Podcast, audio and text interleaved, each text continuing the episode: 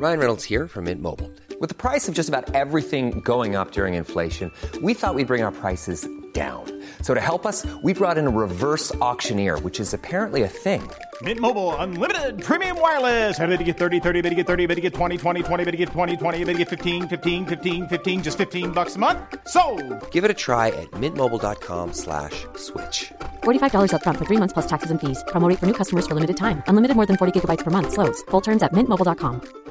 Jewelry isn't a gift you give just once. It's a way to remind your loved one of a beautiful moment every time they see it. Blue Nile can help you find the gift that says how you feel and says it beautifully with expert guidance and a wide assortment of jewelry of the highest quality at the best price. Go to BlueNile.com and experience the convenience of shopping Blue Nile, the original online jeweler since 1999. That's BlueNile.com to find the perfect jewelry gift for any occasion. BlueNile.com.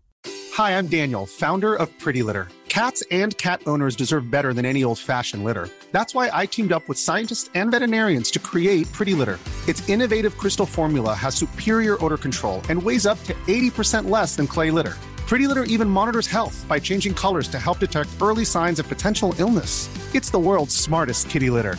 Go to prettylitter.com and use code ACAST for 20% off your first order and a free cat toy. Terms and conditions apply. See site for details.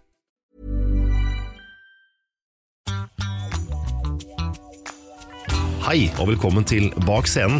Jeg heter Trond Harald Hansen, og i denne podkastserien skal jeg finne ut hva som skjer på baksiden av norsk showbiz-bransje. Enten det er produsenter, skuespillere eller artister. Og i dagens episode så prater jeg med en som har underholdt helt siden slutten av 70-tallet. Både på TV, radio, plater, film. Vi kjenner ham fra Vazelina Bilopphøggers, og annet som Torstein i Carl Co. Lista er lang, og jeg gleder meg til å snakke med Elda Vågan.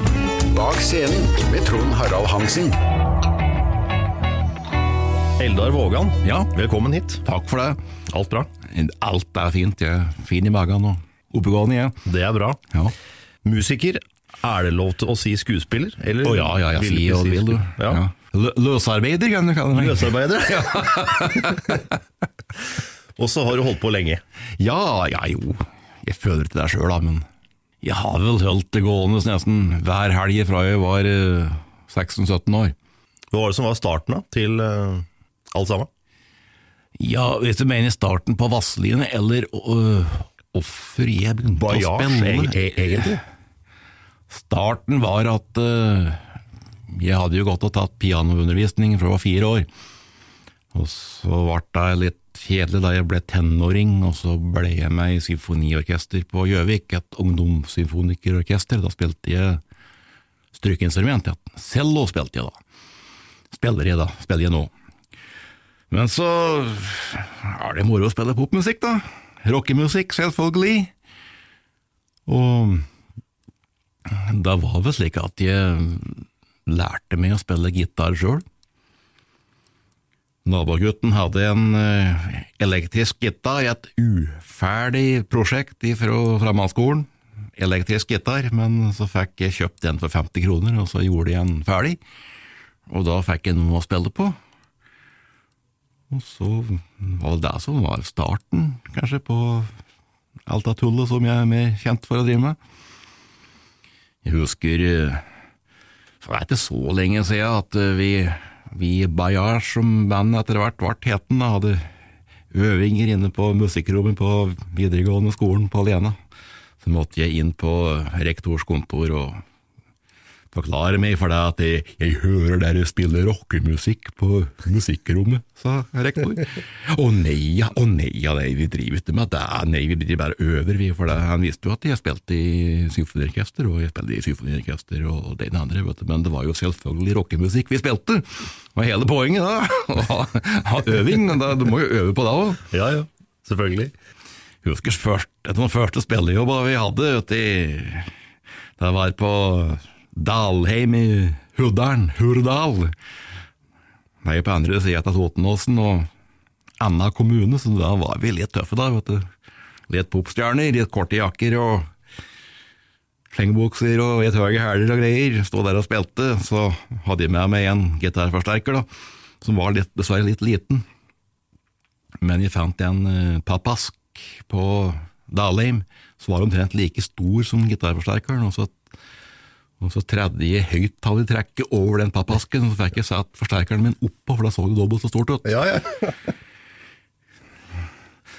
Men det var jo eh, slik den gangen der på 70-tallet at hvis vi skulle spille Deep Purple eller Uriah Heap eller Tin Lizzie, så skulle ikke vi bare Hvis Vi skulle selvfølgelig låte som gitaristen skulle låte som Richie Blackmore, og se ut som Richie Blackmore.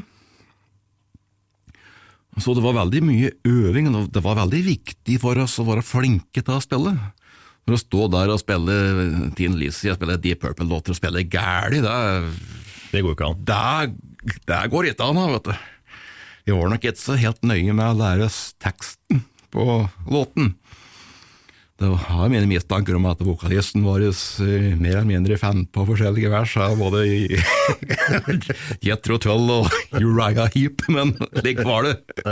Dette var jo en tid som folk ikke hørte så veldig nøye etter på engelske tekster, og jeg må innrømme at det er ikke før i mitt voksne liv at jeg begynte å høre etter hva er det Ian Anderson synger om her i Jetro Tull-platen, hva er det, Er det, ja, er det låten egentlig handler om? hva er det de vil?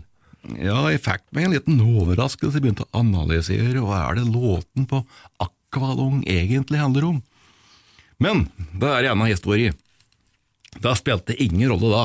Det var fine låter, tøffe rockelåter. Og stjernelivet? Ja, altså, men vi måtte jo spille noen ikke danselåter, da. By the Rivers og Babylon og It's a Heartache. It's a heartbreak, som en heter Hudalen sa. Jeg tror vi sang det sjøl. Veldig bra. Dere ga jo også ut en EP. Ja, jo da, vi eh, ble jo distriktsmestere i NM i rock, vi Bayash, og vi var jo med på landsfinale på Jordal Amfi og kom på NRK i halv sju. Og, og vi spilte inn en EP på Polygram, og vi skulle spille inn LP. Jeg hadde repertoaret slik nesten klart av en hel, hel LP. Men så var det jo slik da med alle andre gutter som da blir 19-20 år gamle, at noen skulle i militæret, og noen skulle begynne på skole utenbygds, og så kokte det litt bort i kålen. Så det ble ikke noe LP med, eller album da, med Bayash fra Toten. Men derimot så hadde vi en uh, bussjåfør da, som kjørte oss, bilopphugger Arnulf Poulsen, og han hadde trommer. Og han hadde Rock Billy Boogie med Robert Gordon på kassett. Og han kunne alle låten, for den hadde han spilt sammen med kameraten sin i båten hele sommeren. Og den, den kassetten det albumet Rock Billy Boogie, det hadde jeg òg, vet du. Så det var en liten åpenbaring der, skjønner du, at det som eh, kom ifra New York på den tida der, for det var eh, på bølgen av noe som ble kalt the new wave. Plutselig så skulle popmusikken og, og den kommersielle popmusikken forenkles. For på 70-tallet så var det jo veldig mye popmusikk som var mer eller mindre overprodusert. Det var jo hundre feler og trompeter og tamburiner og gitar og ja, for eksempel ja, altså ABBA, da, det er jo, der, er, der er det veldig arrangert. Altså, det, det er ikke overarrangert, men, men mye av den musikken som ligner ABBA, som var enda mer overarrangert, og det var popsangere med hårsveiser og slengbukser og det ene og det andre, så kom den rockemusikken, den primitive rockabilly-musikken med Robert Gordon som et børseskutt. Med trommer, bass og gitar, og det låt så tøft, og det var 50-tallsrepertoar som var spilt på en litt skremmende stygg måte. Slik at uh, Dette ville jo jeg og Paulsen spille, da. Så hadde vi fast hjemme hos Pillepuggeren. Det var jo fast der helg hjemme hos Paulsen, da. Så. Og da reiste jeg hjem igjen, og så hentet jeg med en uh, kassegitar, og så spilte vi oss igjennom hele albumet Rock Billy Boogie med Robert Gordon. Og så kom det innom julebukker da, i romjula, 79. Og for å få juleboka og endre litt dårlige kamerater til å flire, så fant de på norsk tekst jeg, vet du, på den låten der. Så gliste de der, vet du. ja, så det var det som var foreløp, forløpet til Vazelina, at eh, jeg sto der og fant på den der teksten på albumet til eh, Robert Gordon. Og så var det et nytt år da med rocke-NM, distriktsuttagning på Gjøvik kino. Og da meldte vi oss på. Vi hadde ikke noe besetning, men eh, jeg visste iallfall at det skulle være Arnulf Poulsen på trommer, og så fikk jeg med meg vokalist Bjørn Berg fra Lena. Han var tidligere bassist i Bayers, og jeg viste at han eh, likte Robert Gordon. Så fikk vi med han, og så kom det med en Torbjørn på bass, og så to kamerater fra Tonheim folkehøgskole, nei, tre kamerater fra Tonheim folkehøgskole, i mannskoret Vrakpant. Vrakpant, ja. Stemmer. Og Da hadde vi en besetning, og da spilte vi noen par-tre låter av Robert Gordon, og så et par Buddy Holly-låter. Og vi spilte òg eh, Bebopalula av Gene Vincent. Dette var jo selvfølgelig bare på tull, og så vant vi den distriktsuttagninga på Gjøvik kino, til alle for store forskrekkelse, men eh, vi fikk jo, vi var til publikumsfavoritter, vi da. Og vi var glade gutter da, vet du, og hadde et lite show, vi da. Og vi var jo litt forberedt òg på der vi skulle spille. Og da måtte vi i eh, landsfinale på, på, på Le- Leanghallen, men på, vi var i landsfinale i Trondheim, Nidarøhallen, ja, Trondheim. Og, der ble vi bemerket, da, vet du. For jeg hadde med meg en eh, 7,5 watt gitarforsterker, og Paulsen spilte med visper på trommer og lekk, ikke sant, for der vi skulle jo bare ha oss en fin tur og hadde et show, vi da, vet du. Så vi hadde med, med kjæresten vår i bussen, og vi skulle ha det morsomt, da. Men det endte jo opp med at uh, vi gjorde en grammofonavtale med Polygram, og så gjorde vi et album. 24 timers service. Og det albumet, der var det, der var det låten som vi spilte live. Så det var rett ifra Gjøvikmarken, live, og så inn i studio i Oslo. Og spilte vi inn eh, albumet live. Jeg tror vi brukte to dager på å spille det inn, ja, og så brukte vi en dag på å mikse og litt forskjellig. Så, så ble det album, da. Låta 'Gi meg fri i kveld' den er vel omtrent legendarisk, hvor Ja. høggeren halvveis skriker 'er den slutt nå, Eldar'? Ja, for det at, ja, for det at 'Gi meg fri i kveld, og så er det generalpause. Og så begynte Posten å tenke på er det, er det ei eller to eller fire takter pause. For dette hadde ikke vi vært så nøye med under øvinga. så det kom helt av seg sjøl, da. Men denne sluttreplikken den måtte vi legge på etterpå. da. Ja. Det var pålegg, men den som kommer imellom Veldig bra. litt show, da, for det at uh, singelplata Gi meg fri i kveld og Bilepøgerboogie ble spilt inn i ferietida til uh, Polygram, utenom det som ble lagt. Og det var uh, Audun Tylden av Jan Pølse som skar igjen og fikk booke tid da, til å spille, book- booke én dag til å spille inn og mikse to låter. da. Og så kom det inn så mye bestillinger på den greien der. Og rett ved sida av platefabrikken nede i, ja, i Oslo her, da, så lå Teamtrykk, som laga alle platecovera. Og Teamtrykk, Teamtrykk de laga òg et blad som het eh, Kriminaljournalen. Og da hadde de fått inn en bestilling på var det 7000 singelalbum, singelcover. Og da var det sensasjonsoppslag i Kriminaljournalen da, vet du, på at vi selger mer enn ABBA. For det Teamtrykk laga jo platecovera til ABBA, de da. Å ja. Det som var hemmeligheten, var at ABBA solgte nesten ingen singelplater i det hele tatt. De solgte hundretusener album, men nesten ingen singelplater. Men Vazelina solgte mer singelplater enn ABBA. Vet du. Da ble det sensasjonopplag, og så kom singelplata, også heiv VG seg på, og så heiv Dagbladet seg på, Aftenposten og NRK. Så var det i gang, da. Var det etter det at det blei kontrakt om et helt album, da? Ja, det har vært album. Men det album var ikke noe problem med oss Vazelina, for det vi spilte jo live, og vi spilte jo inn der vi spilte live, da. Det var litt kort album, det var jo bare på Er det på 40 minutter? 37 minutter, kanskje? Det samme? Så alt er innspilt eh, live, mer eller mindre? Ja, for uh, det er jo slik repertoaret vårt er, da. Det er jo trommer, bass, gitar, etter hvert blir det piano, og så blir det saks... Altså, det, det er slik rockemusikk skal være.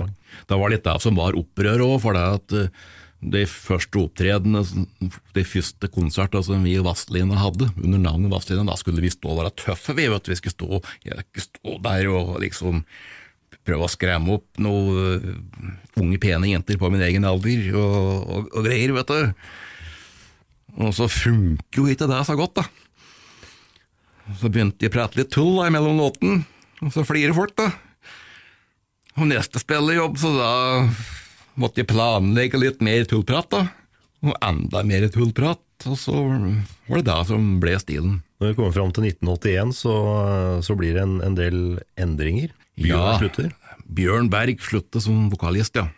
Bjørn gikk jo på skolen. Gikk på teknikeren på Gjøvik og drev med var flink på skolen og ville fortsette med kjemiutdannelse. Og ja, Vazelina, det var jo bare hobbyprosjekt. Slik var det, men vi ville jo fortsette, da, sjøl om en Bjørn sluttet, så, så var det en showman på Gjøvik, da, fra Hunndalen, Viggo Sandvik. Han kjente jeg for det at han Viggo han arrangerte bierstove på Gjøvik hver torsdag. eller Teknikerkro på Torveten hver Å, ja. Og der var jeg, da, vet du, som eh, sier kunde, eller deltaker på ølstafett. Jeg, jeg var jo blakk, så, men var jeg med i ølstafetten, så fikk jeg ikke en halvliter, da. Ja. Han Viggo, han, han sto med trompeten sin og arrangerte ølstafett. da, Hvis det kom noen jenter da, som hadde store pupper, så da ble det sekkeløp.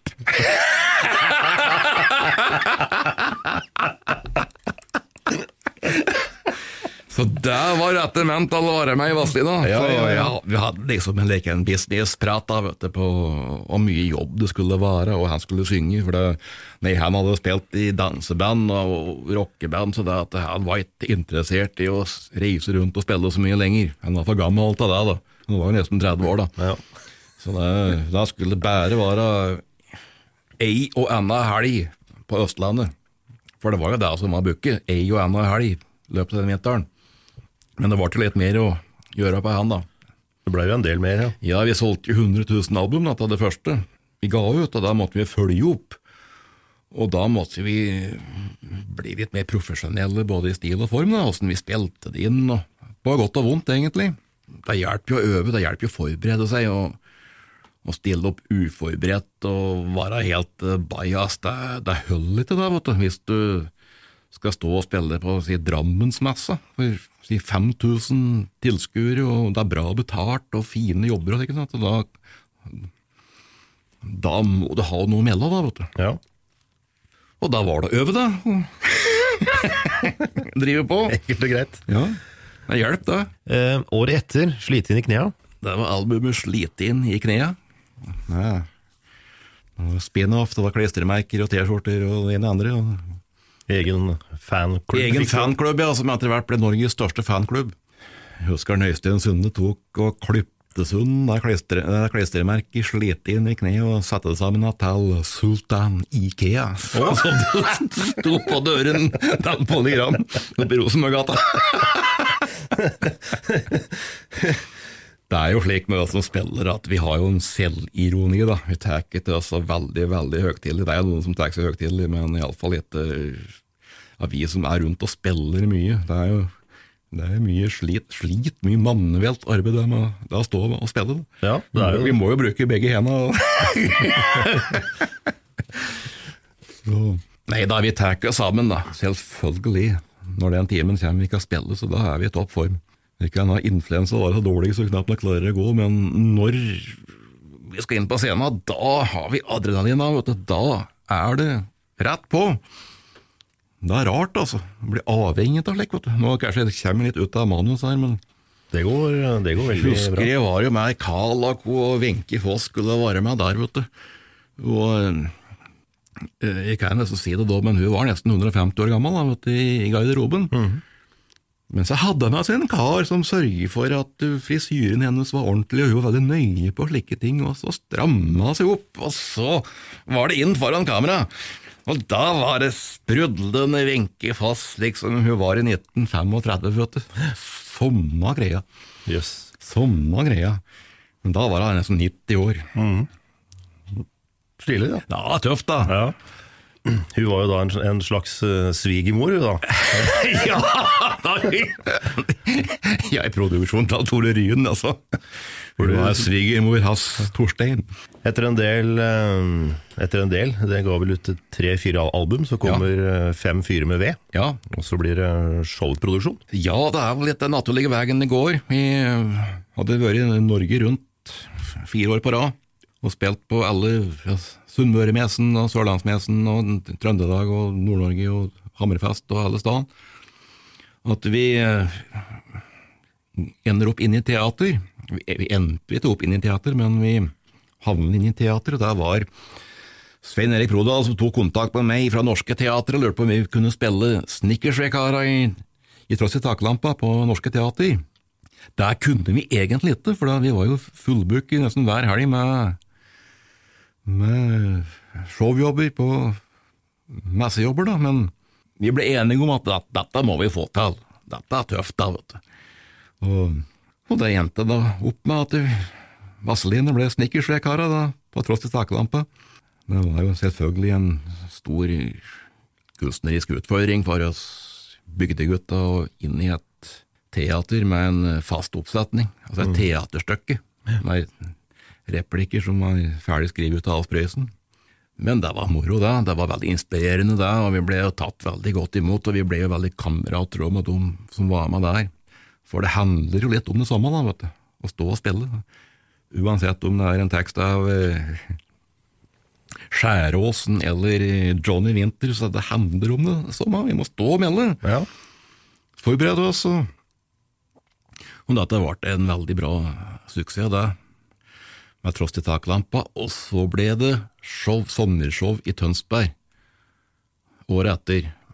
Da var det sommershow med Øystein Sunde og Hege Skøyen på klubben. Lufta for alle, produsert av uh, legendariske produsent og og manager Jørg F.R. Ellertsen. Og det var Ingvar Numme som hadde regien. Da var vi egentlig i toppdivisjon, for å bruke et lekkert uttrykk. Mm uttrykk. Og det gikk veldig bra, vi hadde jo fulle hus i Tønsberg. Kjempebra kritikere, og det var moro å spille òg, vet du.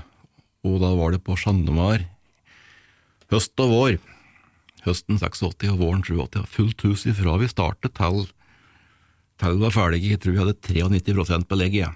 Det vil si at det, det vil aldri helt bli fysisk fullt, for det er alltid noen som ikke kommer. Noen som er dårlige og ikke får hente billetten sin, men det var, det var fullt hus fra første stund til Det er jo veldig bra. til ut i mai. Vi spilte det nesten nesten 17. mai før vi ga oss. Men det var tider, altså. Det var et høydepunkt. Det, det, var veldig mange, det var mange show som gikk veldig bra på den tida der. Det var fullt hus på ABC-teatret og fullt hus alle steder den sommeren der. Den høsten der. Så der må vi nesten kalle litt lik glansperioden. Vi kan jo mimre litt nå, nå. I dag så er det jo ingen private teater i Oslo som drives på sånn måten. Hvis det er en produksjon på Chat nå, så er det kanskje ei uke, to uker, som blir spilt. Det er ikke lenge. Nei. Vi vil jo spille hele høsten, da, hele vinteren, men uh, siste sesong vi spilte liksom hel sesong, det var, det var høsten 99 på Busy Showteater. Da produserte vi sjøl og leide teatret. Sto for alt sjøl. For fulle seil. Det var eh, jeg For fulle seil, ja, med Vazelina. Det var siste produksjon. Da hadde vi spilt sju forestillinger i uka fra 1984 til 99-tallet med 99. da fikk det holde. Det er litt slik òg, vet du. Da er det kanskje greit å, å roe av litt. Det blir jo mye, da. Ja, for da, vi hadde jo familie alle òg, vet du. Sant? Greit å se ut åssen folk ser ut hjemme òg. Ja, ikke sant? Og så går det an å overleve på litt andre ting òg. Du må ikke øve inn et nytt show, et nytt album i året. Det går an å drive med en annen- Mm. Fant ut. Dere ga jo ut omtrent plate hvert eneste Ja. år gjennom 80-tallet, Ja. unntatt 85-88. Stemmer ikke det? Hvor det Ja, da kom femårsjubileum i 85. Også, Det var noen nye låter der òg. Og soloalbum fra Viggo i 88. Ja. Hvilket av de albumene er de fineste? ja det, det kan jo ikke jeg svare på, ikke sant. Jeg har, Du har jo- ikke noen personlige Jeg er jo pappa til to gutter, og hvem er den beste, ikke sant? Det, Nei, det er ut ifra tid og sted, det er alltid det nyeste. Eh, kanskje eh, ja, albumet som heter eh, Musikk til arbeid. Det, det er surfbrett da, men Da, da jobber vi mye i studio. Men det er jo, det er jo kanskje noen låter som ikke burde ha vært med, som er der òg, ikke sant. Slik er det alltid. Men eh, Mye som er sånn slags uh, fyllstoff. det var jo egentlig lite det. Men da, der, der var alle låten veldig planlagt og skrevet og produsert, men eh, ja, like kan man sitte og spekulere. Hvordan var det arbeidet i studio? Var det liksom inn og gjøre den skulle, eller var det mye Ja. skriving og produksjon i, i studio? eh, det ender jo opp med at det blir skriving i studio da, vet du. Jeg hadde et uttrykk jeg at jeg kom med teksten, og så, skulle, så fant vi ut at dette ble for dumt, her må vi gjøre om, og så da var det uttrykket at jeg får heller føre inn teksten. Da hadde jeg skrevet en blyant, da, vet du, og så førte jeg inn med kulepenn. Da var det det som var ferdig produkt. Det var jo en litt omstendelig prosess da, å spille inn på 80-tallet, hvor ingenting var digitalt, og det var ikke Ja. så veldig mye klipp og lim. Alt var analogt. Så Nei, det var å spille inn flere ganger, da. Låta flere ganger. Og så var det jo flersporteknikk, da. At eh, vi kunne spille inn 24 spor. Vi kunne spille inn eh, for eksempel eh, fire spor med blås, og så ble det miksen ned til to spor, og da fikk vi to spor ledig på båndopptakeren likevel. Ikke sant? Det er det vi drev på. Dette er jo en, det var jo en vitenskap og en lidenskap, det greien der, å drive med dette. Og, og jeg likte jo da, og jeg liker slik veldig godt, å drive slik og mekke. Det er jo håndverk. Jeg tok også et tidlig valg med at jeg vil ikke ha noe slik utstyr hjemme. Det er mange av oss eh, ja, musikanter som har lydstudio hjemme, da, de og mekker slik og spiller inn hjemme, men uh, ikke jeg. Jeg skriver heller noen akkordskjemaer og noen noter og planlegge på den måten, og så øver, og så i studio. Men det er litt nye tider nå, ikke sant? Nå, nå går vi i studio for å spille inn et album lenger. Nå, nå øver vi, og så heller spiller vi inn et, et TV-program. Altså, det er mer det som er media. Ja, album og i hvert fall CD-utgivelser, det er jo helt ute. Ja, det er rart, da. Det, var, det ble bråstopp. Det overrasker oss alle. Vi visste at det skulle komme. Vi skrev såkalt internett internettkontrakt, skrev Astrid med Polygram, eller Oi. Universal som det het i 1999. Det var nytt. Jeg tror vi var den første som gjorde det. Vi måtte finne opp ordlyden i, i kontrakten vår. Var det angående digital publisering? Ja, ja, ja for det at vi var tidlig ute med å registrere vazelina.no. Det gjorde vi på tidlig 90-tallet, da internett kom. Det har litt med det at jeg er litt lik teknokrat. Jeg samler på gamle apparater og analoge formater og etter hvert og digitale formater som etter hvert har blitt kastet, men jeg har det jeg, da. Ja. Og Da er vi to. ja, for det at uh, vi drev og skulle forhandle med, med TV 2 da, vet du, om å publisere og spille inn og publisere julekalender. Da visste vi ville bli Dette ville bli ganske heftig markedsføring, eller vi ville jo være på TV to ganger om dagen. Og der ble vi jo, da. Vi var på TV to ganger om dagen, millionen så på oss to ganger om dagen. jeg flirer av det nå, for det ble jo litt pes, da. Ja, det vil jeg tro. Og, og da måtte jo vi ha et album, selvfølgelig. Så vi spilte jo inn helt nye låter, og så innkopierte vi eh, noe nyinnspillinger av eldre låter, og så var det nygamle låter i TV-serien. Det som var viktig, var at alle låtene som er med, som ble med i TV-serien Julekalender, var låter som vi hadde laga sjøl med tanke på eksport. Da kunne vi levere ferdig sett, med både manus og noter og singbacks, alt kunne vi levere. Hele pakka, ja. Det ble dessverre ikke noe av, men eh, det er vel litt tilfeldig, tror jeg. Men så gikk jo denne butikken så bra i Norge da at vi tenkte ikke så mye på å eksportere det. Nei. For eh, det som var litt forbilde og modell, var jo The julekalender med The Traveling Strawberries. For det er jo dansk, Det er jo dansk, ja. eksportert fra Danmark. Spilt inn da med norske musikere. Med stor suksess, selvfølgelig. Jeg kan nå melde i dag at Vazelina Billepuggers ble spurt om vi kunne spille inn den. Å ja. Men vi så på en episode, og vi diskuterte litt eh, ja, jeg og Nico pratet litt på det, og, og, og diskuterte litt med Jørg Ellertsen òg, for det var han som hadde fått masteren, altså vi kunne se igjennom, for det var han som var manageren. Men eh, nei, dette passer ikke for oss. Det falt ikke helt i smakene. Ja, for da måtte vi plutselig stille opp i andre kostymer, ikke sant? Vi spilte på 90-tallet et show i Oslo som, som var en oversettelse fra Göteborg, fra svensk, med galdeskaperne. Å ja. Og vi gliste i hjel oss og ble så veldig engasjert på hvor bra det var, vet du, da vi så det på VHS-kassett. Og vi så manuset vi fikk det levert fra Magnus Herrenstad, og det- dette her blir jo show, da, vet du, å spille i Oslo. Men da hadde vi kostymer på oss, vet du. Vi var ikke Vazelina på scenen. Nei. Så vi måtte gjøre om, da, så vi spilte Vazelina-låter, og var Vazelina på scenen med som i noe rockeshow og slikt, da. Men litt på grunn av det, så passet ikke julekalender. Da får vi heller gjøre noe sjøl, da. For klart, vi har repertoar sjøl, vi kan jo skrive sjøl, og så hadde jeg en idé på en fin ballade, og halvveis idé på hva dette kunne handle om. Og så fikk en Viggo og jeg med oss en Alf Tande P, og så ble det skrevet et manusforslag, og så spilte jeg den eh, balladen min da hjemme til jul på piano for TV 2.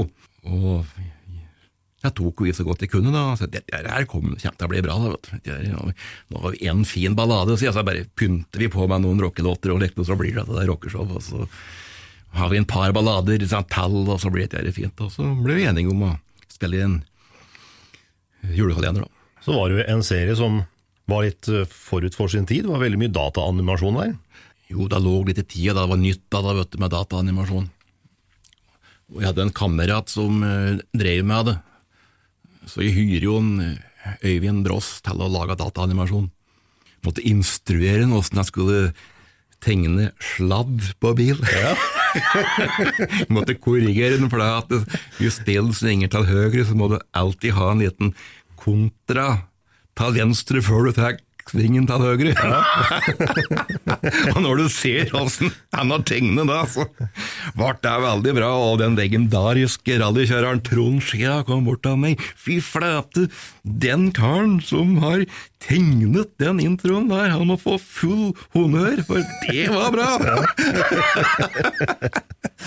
det er mye dum kunnskap, vet du, så plutselig i dag så Får du bruk for får det. du bruk for det.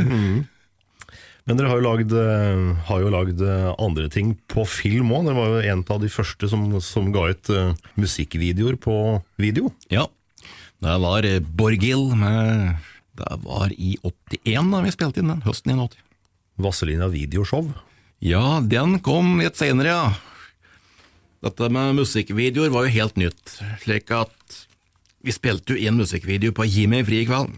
For da hadde vi singelplate så, som solgte 7000 eksemplarer, og så hadde vi bilder, vet du. Vi var jo på TV, folk kunne se oss ifra høyre. Åssen vi så ut i trynet, og kneskjelv og gitarer, og, og det ble jo veldig suksess da, da. Og så kom en video med året etter, og da ble det musikkvideo på Borghild, som òg ble med. Vi, plateselskapet ga jeg bort den musikkvideoen gratis da, til NRK for å spille den av i ungdomsprogrammer. da. Det var jo bare én kanal på TV den gangen. der. Så. Og da ble jo det vist. Husker en gang det var eh, NRK-streiken. Ja. Da kunne de bare sett, da var det jo ingen redaksjoner som var på jobb, da, vet du, men eh, det som da het videobånd, de som, de som spilte av videotaper, eller spilte av eh, ferdig innspilte TV-programmer, de var jo på jobb. Teknikere var på jobb. Så jeg reiste opp i NRK, ja, så leverte jeg en musikkvideo på en videotape, da.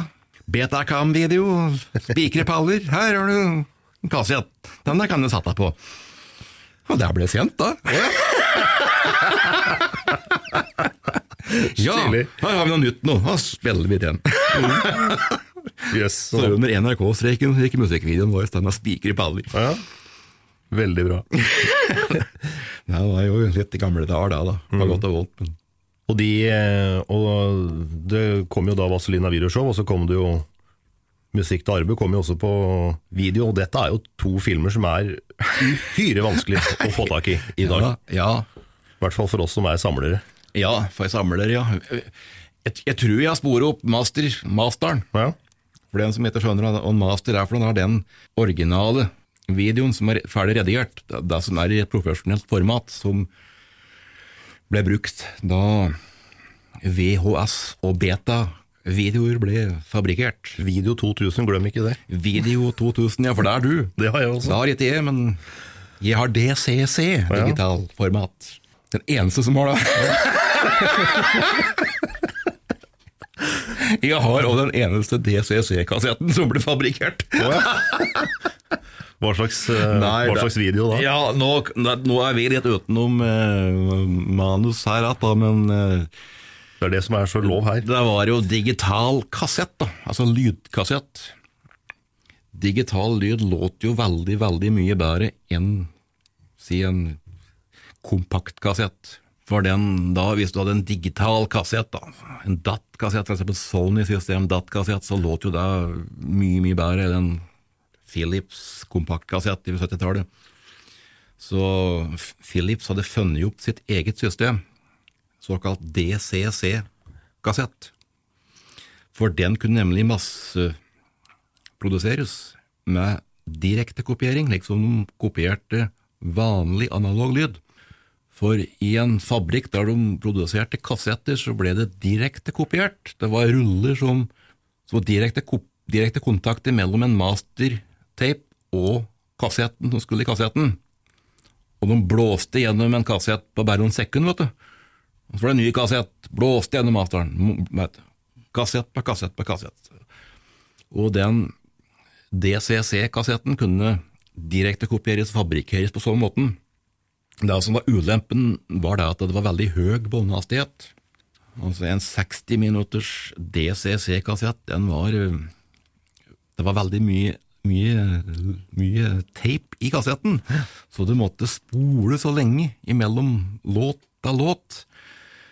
Men de hadde en fordel da, som ingen andre hadde, og det var det at det var Philips som hadde funnet opp CD-plata. Så Philips hadde kopirettigheter på den digitale masteringen som er på CD-plata, som òg kunne brukes på en DCC-kassett, slik at du kunne bruke kassettspilleren som en CD-spiller. Oh, ja. Og så spilte den opp på begge sider. Du kunne snu kassetten for å slippe å spole så mye, da. Men uh, dette Jeg vet ikke hva som skjedde, det, men det var vel kanskje at japanesere og amerikanere kanskje ikke var helt med på dette systemet, der, så det ble ganske fort glemt. Det var heller ingen, eh, ingen skjerm å, å, å slå opp bilder, vet du, for den gangen der så var det kun billedrør-TV. Jeg husker jeg kjøpte meg en liten Technics flatskjerm. Den skjermen er på fire ganger fem tommer, men den var flat.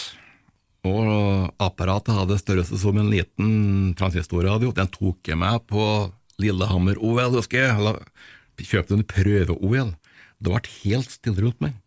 Jeg tok den opp til innapålomma, så på NRK på en flat skjerm, på størrelse med lommeboka mi, det, det var en sensasjon, altså. Jeg hadde antenne da, for å få inn Lillehammer. NRK Lillehammer. Tenk på det. Men jeg har tatt vare jeg på alt, tatt vare jeg på alt dette gamle brasket som står hjemme. Det er jo stilig å ha. Jeg så på den TV-en i jula. Jeg, jeg, nå, nå er det ikke noe signal. nå tar jeg ikke inn noe signal. Men, og det er heller ikke innganger på den, så jeg kan bruke den til noe annet fornuftig. Men det var den første flate skjermen som vi fikk kjøpt. Jeg husker det var kjempedyrt, og mange tusen kroner for en slik skjerm. Du fikk jo til og med kjøpt sånne små sånne bærbar mini-TV på slutten av 2000, nei, på slutten av 90-åra. I Ja. svart-hvitt, sånn med Ja. sånn håndtak. Ja. Det var liksom så Billedrør-TV, ja. ja. Revolusjonerende da, men Du, du eh, fikk kjøpt Ja, det var på 80-tallet. Jeg fikk kjøpt faktisk en fargeskjerm som var på en seks-sju tommer. Klumpen var jo stor og tung, da. Og den slukte batterier, men det var farger. Så jeg, du fikk jo sett nyhetene. jeg fikk iallfall sett Dagsrevyen. Fikk iallfall sett på en Einar Lunde innimellom. uh, Apropos film, du gjorde, et, eh, du gjorde en rolle sammen med Tom Mathisen og Herodes Falsk. Showbiz. Showbiz-filmen, ja. Legendarisk film. legendarisk!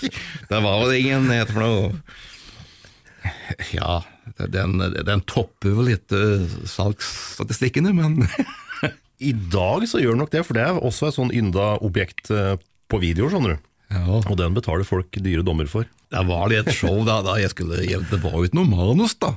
Jeg bare fikk et klukkeslett og møte opp i Tøyengata med, med, med en bil, og så skulle vi spille inn.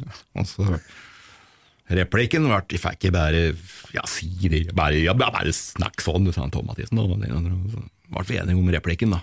I bil, mens vi kjørte. Løse forhold. Det var heller ikke slik at vi sperra av noen gater for noe rasakjøring. Jeg bare, jeg bare kjørte så fort jeg kunne, og så håp, håpet på at politiet ikke så oss.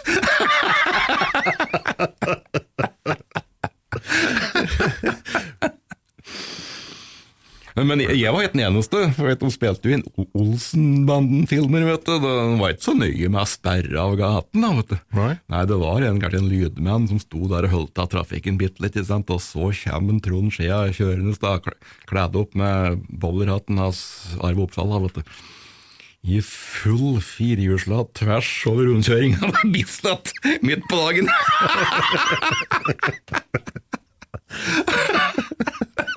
Det var tider. ja, Men det er veldig fin dokumentasjon, et historisk dokument på hvordan Oslo så ut i gamle dager. Absolutt. Og det får vi jo se hver eneste jul. Ja. De, TV 2 tror jeg har vist Olsenbanden fire ganger om dagen. Gjennom hele romjula. Ja, de kjører jo gjennom ja, gamle Oslo, da, gamlebyen og Kampen og Mye er revet. Jeg veit ikke om du har hørt det, men, eh, men han eh, Pål Bang-Hansen Han var jo så forbanna, han. Så han oh, ja. tok og skar den Showbiz-filmen i to Oh. på sirkelsag. å, syns du det var dårlig? Ja, den filmen mente den hadde ikke livets rett i det hele tatt. han var skikkelig forbanna. Jo da, de var på Olsenbanden, og det vet du, var jo veldig dårlig likt blant eh, liksom, filmkritikere, de som driver med seriøs film, for dette var, dette var underholdning. der, vet du. Det, det var ikke noe mer høll i det, liksom, noe dypere psykologi i de greiene det vi skulle flire etter, Vet du. Han De, har, jo- de har egentlig tatt feil, vet du. De har jo det. Har det. Han sa jo det, han Arve òg, at uh, hvis du setter en anmelder i en kinosal mutters aleine når klokka er ni om morgenen, Ja. Da blir det ikke gøy, da. Nei. Og det er jo sant. Men uh, det skulle ha vært skrevet noe slags uh, systematisert litt, uh, litt memoar, eller om det det burde ha blitt publisert litt alt som skjedde bakom på det der Olsenmannen-filmen. vet du. Det er helt hårreisende historier. Det. Nei, jeg sa det at de, de var ikke så nøye med å s- sperre av for trafikken da Trond Skjea kom kjørende som firehjulslatt tvers gjennom rundkjøringa på Bislett. Men alt som skjedde utenom, eksempel det at lysmenn napper ut støpsel eller kontakt på ei stor like, kran nedpå var det på Pølstenkaia i Oslo, vet du. Så hele krana stopper jo, virker jo ikke. Og så måtte, måtte jo han der kranføreren og satt øverst i den krana, måtte jo klatre ned fra krana og alle steger og ned på kaia for å sjekke at eh, strømmen var koblet til, eller ikke, ikke sant? Men da var, Olsenmannen ferdig med opptaket, og da hadde jo Lysmann selvfølgelig fått støkket inn igjen støpselet, og så ble det neste opptak! Og lysband stjal jo strøm og koble seg på en, like, en eh, lysboks som sto i studenterlom i Oslo sentrum. For han hadde jo klart å få stjålet en, like, en nøkkel, da, vet du, så han kom inn i Oslo Lysverkers uh, koblingsbokser. Så klarte han å koble feil, vet du. Han mente sjøl at det var feil merking av kabler, men han koblet feil. Så da gikk det ikke en hovedsikring på, på hele Oslo sentrum. Så alt ble mørkt.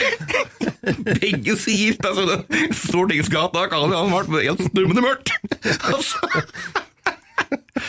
Og da kom jo en folkevognbuss med folk fra Lysverket, vet du, for å, man fant ut det måtte være den, den der boksen der. og slikt noe, vet du. Men der sto jo han Lysmann da, fra Olsenmannen. og Klødde seg i han hodet. klødde seg i hodet, vet du. og sa, men det var liksom ikke det at en unnskyldning, vet du. Nei, det var Oslo Lysverker som hadde merket ledninga sine feil, så det var lysverket sin feil at strømmen gikk hele Oslo.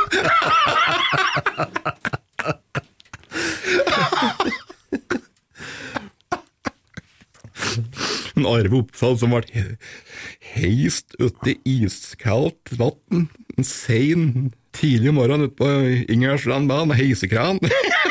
altså, fikk den Fikk ikke Kjell, eller Kjell da, fikk ikke sagt replikken sin, da, for den skulle bli heist på land, og så skulle Kjell komme med replikken 'Her er skoa dine'.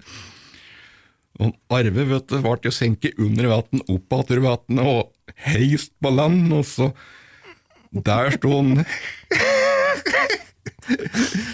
Karsten Behring plutselig uforberedt, og så husker litt hva han skulle si. Ser du på filmen? Der står en Kjell vet du, med skoa. Her er skoa dine. Ja, Benny som tok replikken. Fikk helt blackout. ja, det Ja, vi kan flire, vi. kan flire, vi. Det var ikke akkurat uh, HMS, da, det de drev med. Nei. Han Kjell han ble vel også hengt opp ned i ei kran og heist ned, gjennom, he- heist ned gjennom soltaket på en bil. Ja, Det er jo faktisk helt ekte. ja jeg må innrømme det. Gjelder oss gutta, det, vet du. Fy flate, mye rart vi har gjort. Tenk, tenk, tenk, jeg ten, har jo ikke tenkt på det, at vi må stå foran kameraet og gjøre det ordentlig. vet du. Vi spilte jo inn uh, musikkvideo på surfbrett. Og da fikk, vi, eh, da fikk jeg en idé på at vi måtte jo filme dette inni en sløydsal, og, og høggeren måtte stå der og saga med motorsaga og slikt. vet du, Så det si, produksjonsselskapet hadde fått tak i like ei fått tak i ei finnerplate som var én tomme tjukk, tror jeg. Og den var jo tung, man måtte ha fire menn for å klare å bære inn den plata inn i den, den der sløydsalen. Og pølsen da skar ut surfbrett med motorsag, det var ikke noe problem med motorsag, ikke sant? og så skulle vi flytta det surfbrettet ifra den sløydsalen da, til eh, liksom neste sekvens, som skulle være oss gutta ute i snøhaugen med det surfbrettet. Det ble lagt på taket på en like, produksjonsbil, en Ford Escort stasjonsvogn. og Den Forden lå helt ned på ene sida, der som surfbrettet lå. Så vi måtte jo fire menn til å løfte det surfbrettet, da, så skulle Viggo stå oppå det surfbrettet i snøen. Og det endte jo med at han, han skulle stå og synge, da, og vi skulle liksom gå i takt, vi da, vet du. Med dette greien der, og det klarte jo ikke vi, da. Så vi tryner jo, vi gutta, vet du, og Rune Gjendal fikk et surfbrett over nakken, holdt på å slå i hjel seg. Og så sa jeg til Pølsen at jeg er på en ny låt, ja, hva er for noen av Pølsen, liksom litt lik matlig, da. Ja, yes, I'm the great pretender. Ja, jøss, jeg har stor pressending. Nei, men faen, nå skal vi begynne med deg hå nå! ja, det ble ikke noen musikkvideo, da. Nei. Å, nå er vi ute.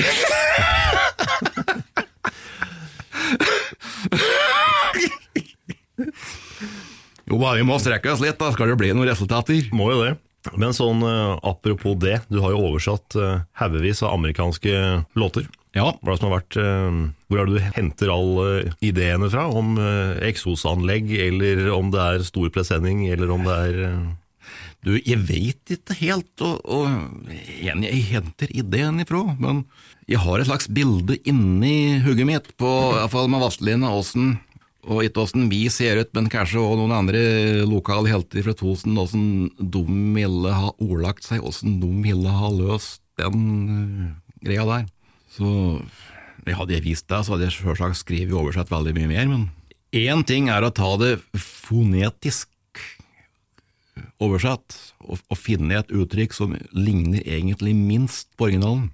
Slik at du får litt eh, overraskelsesmomentet. Ja, det for eksempel at du, du kommer inn på ene sida av scenen på Sjanevar, og så skal du si noe motsatt og gå ut på andre sida. Hvis du går inn på ene sida, så kommer en annen inn på andre sida, det slike ting. Så du, du overrasker publikum som hører på, med en replikk, med et Det det er, det er Hiring for your small business? If you're not looking for professionals on LinkedIn, you're looking in the wrong place. That's like looking for your car keys in a fish tank. LinkedIn helps you hire professionals you can't find anywhere else, even those who aren't actively searching for a new job but might be open to the perfect role. In a given month, over 70% of LinkedIn users don't even visit other leading job sites. So start looking in the right place. With LinkedIn, you can hire professionals like a professional. Post your free job on linkedin.com slash people today. Hey, it's Paige DeSorbo from Giggly Squad. High quality fashion without the price tag. Say hello to Quince. I'm snagging high-end essentials like cozy cashmere sweaters, sleek leather jackets, fine jewelry, and so much more. With Quince being 50 to 80% less than similar brands. And they partner with factories that prioritize safe, ethical, and responsible manufacturing. I love that. Luxury quality within reach. Go to quince.com slash style to get free shipping and 365-day returns on your next order. quince.com slash style. Litt grunnleggende for nesten all form for humor. At du har en one-liner noe slikt som får folk til å døve, ikke sant? Viggo var jo leit å finne på like setninger, da. Spesielt litt tidlig om morgenen når vi satt og skulle inn på et fly, og ingen hadde noe å si, ikke sant? så kunne han si én setning vet i bussen som aldri lyste. Litt for å kvikke opp stemningen. Ja. Dere ga ut et, eh, et slags sportsalbum òg. Ja. Gå for gull. Ja. Jo da, jeg vet ikke hvor vellykket det var, jeg, men det var eh, det som var ramma, iallfall. Ramma hadde et slags tema. Sport, billøp og langrenn og hopp og, og slikt. Var det i, i Det forbindelse med at vi fikk 87 Nei, det var før da. Nå begynner det å regne. Dette var, det var i 87. Det var sju år siden. Ja. 87. 87, mener jeg. Ja. Men noe må en jo prøve. En kan ikke regne med at alt er, alt er like vellykket, at alt skal være helt kjeks. Da hadde det vært helt tipp topp. For jeg har opplevd da at uh, ting som vi har glist oss i hjel av i garderoben og øvd og øvd og øvd, og øvd ikke sant? og så kommer vi på scenen, og så er det helt stille. Folk sitter som spørsmålstegn i trynet. Hva skjedde? Da er det stryknummer. Videre, neste. Det er litt det som er forskjell på profesjonelle og amatører. At vi som er profesjonelle, vi må være såpass tøffe at vi, vi kan stryke av, vet du. Og ikke begynne å henge oss opp i det at ja, men vi har jo brukt hele året på å øve og slik og slik og slik. Nei, spiller ingen rolle. Hvis det ikke virker, så virker det ikke. At en må mm, produsere seg sjøl. Er det da automatisk eh, stryk, eller Ja. kan det hende at man prøver nummeret et par ganger til, bare for å sjekke at det publikummet ikke var veldig dårlig den dagen? Det jeg har opplevd, er at uh, ideen sitter i hodet på meg, at det kan bli ei låt. Eller, eh, eller nå driver jeg og lager og tegner bilder og leker, da vet at det kan bli et bilde, for eksempel. At det blir noe helt annet. Det har- skjedd flere ganger. At et ordspill som kanskje kunne, mm, kunne ha blitt ei fin låt, da blir det egentlig et bilde. For jeg er jo kreativ person, da. Det er liksom litt avhengig av å finne på noe nytt hele tida. Avhengig av å få publikum til å flire. Et eller annet skal ut. Ja, men så er det deg, da, når du står på scenen og du skal publikum til å flire, så har iallfall jeg en teori at da er det greit å ha si en instrumentallåt, og ha noe slikt noe som folk kan eh, hvile litt på. For du kan jo ikke stå på scenen og si bare standup og kjøre one-liner den ene setningen etter den andre og tro at folk skal døve og flire seg i hjel for hvert tiende sekund. Det er i to timer. Er- det går bare ikke. Det går jo ikke. Du må ha en slags opp oppbygging. Ja. Apropos det, du har jo gjort eh, noe soloalbum òg. Ja, jeg har spilt inn tre, Tre soloalbum? Ja. To av dem er utilgjengelig i dag, hvis du ikke Ja. samler på LP eller MC. Hvorfor det? Det er spørsmål om kontrakt og penger alltid, ikke sant? Og så er det vel litt like at jeg må ha lyst på det sjøl, og ja, nei, det er det er vel litt der. Det er ikke, Ja. så, er ikke så viktig for meg, som du sier da. Nei. Oppover på 90-tallet så kunne vi se deg en del på TV, annet Seieren er vår Ja, og NRK. Og opp, Ja. Oppladning til OL. jeg var mye på NRK at jeg var programleder på, i, i to sesonger på Midt i smørøyet, sammen med unga der. Og da skulle det lages en eh, OL-komedie da, i forbindelse med prøve-OL som skulle bli sendt i 93. Og det var drama, det var eh, teater i, for meg kanskje litt i ytterste potens. For det skulle være litt lik smack, smack. Den ene setningen, den ene handlingen overtok den andre lik hele tida. Si modellen var vel et hotell i særklasse, at du bygger opp til et eh, maksimum hver episode. At det ene følger på det andre hele tida. Så det var komplisert, da. Ikke ble det filmet gjennom nøkkelhull og filmet gjennom stuggevinduer, og, og det, det, var, det, var faen, det var ikke lett, altså. Nei, det vil jeg tro. Nei, men eh, ja, det er nå det det er. Man kan jo høre et slags eh, publikum der, men det høres ut som det er lagt på i etterkant. Det var, det var vel ikke innspilt Ja. for publikum? Nei, men det ble vist for publikum. Det ble vist for publikum. Ja, men det ble spilt inn av dramaavdelingen i NRK oppe i Nydalen, og der var det ikke plass til publikum. Men eh, det var, det var der og da, den gang da. Om vi skulle ha gjort det i dag, så hadde vi nok gjort det på en annen måte. Da tror jeg nok regissøren hadde gjort det litt mer buskis, litt mer, eh, ja, Kalako-måten, altså. At vi heller hadde øvd det inn som et, eh, et show, hver episode som et show, og så spilt det for publikum. Fått respons der og da. For det er kanskje litt mer, det var vel kanskje litt mer måten vi var vant til å jobbe på, vi som var med. Men, ja, skal ikke sitte og forklare. Hadde jeg visst alt, så hadde jeg visst alt. Sånn er det ikke. Nei. Du kom jo noen år seinere som Torstein da, i Carl og Co. Det var jo i aller høyeste grad innspilt foran et levende publikum. ja, det var så vanvittig å være med Tore Ryen Produksjon. Jeg sa til han Tore Ruen jeg fikk at mannen, så jeg kan si for noe her. Altså. Jeg Si hva du vil, du, sa han. Er greit. så da var jeg skikkelig bajas, da, vet du, for jeg var jo kjæresten hennes eh, Hva var det hun het for noe? Vigdis. Vigdis, ja. Kjæresten hennes Vigdis. Og vi fikk lov til å være så utagerende, eller nesten overspille, kopete alt vi klarer, vet du. Harald Hede Steen var vaktmester Smestad, og han fikk lov til å være den mest primitive Johan-kopen til en vaktmester. Han fikk lov til å være høye varer. Mest brautete sier av idioten, da. Den totning. Han var helt topp, da. Flate. Og så er det jo spilt inn, det det er jo publisert, så folk kan se det. Ja dette ligger ute på YouTube, og det er utgitt på film. Og. Ja, jeg synger jo om vesle grisen nesten hver spillejobb, for den vil folk høre, da, vet du. Det virker jo bra, da. Det som ikke virker så bra, var jo det at komponisten som hadde komponert låta, altså julekveldsvisa, han, eh, han bodde ute i Asker. Han ble jo sjokkert da han hørte min egen versjon av julekveldsvisa, så han ble så sint at han bokstavelig talt bøy opp en Tore Ryen på juling. Så, men du må ikke glemme at Alf Prøysen sjøl han satte jo sine egne tekster på andres melodier, han òg. Og han var eh, revyartist, han, underholdningsartist, han på 30-tallet. Han hadde hvite seilerbukser og stråhatt, han. Ja, ja, ja. Så han drev jo på på akkurat samme måten, han. Så det at eh, så lenge det er live, så kan vi jo sette en hvilken som helst tekst på noe som er spilt inn. og jeg... Jeg sier jo ikke noe galt, jeg, jeg banner jo ikke, jeg støter jo ingen av verken religion eller opptreden. Så. Nei, det gjør vi ikke det. Ja, det går over. Ja. Er det noen spesielle historier eller episoder fra innspillinga med Carl Co. som du har, som er liksom eh, Det var jo moro. altså hun Wenche Foss var jo med i to episoder, da.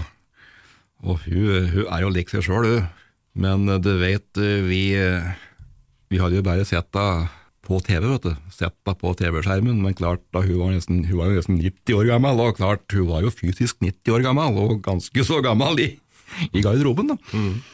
Men hun hadde med seg en kamerat som stelte med hårsveiser og kostymer og greier, og hun sto liksom og fikk rette seg opp, og så var det rett inn foran kameraet og blomstre som Wenche Foss, som hun gjorde en glade enke i 1937, eller var det 36? Helt enestående, fy flate.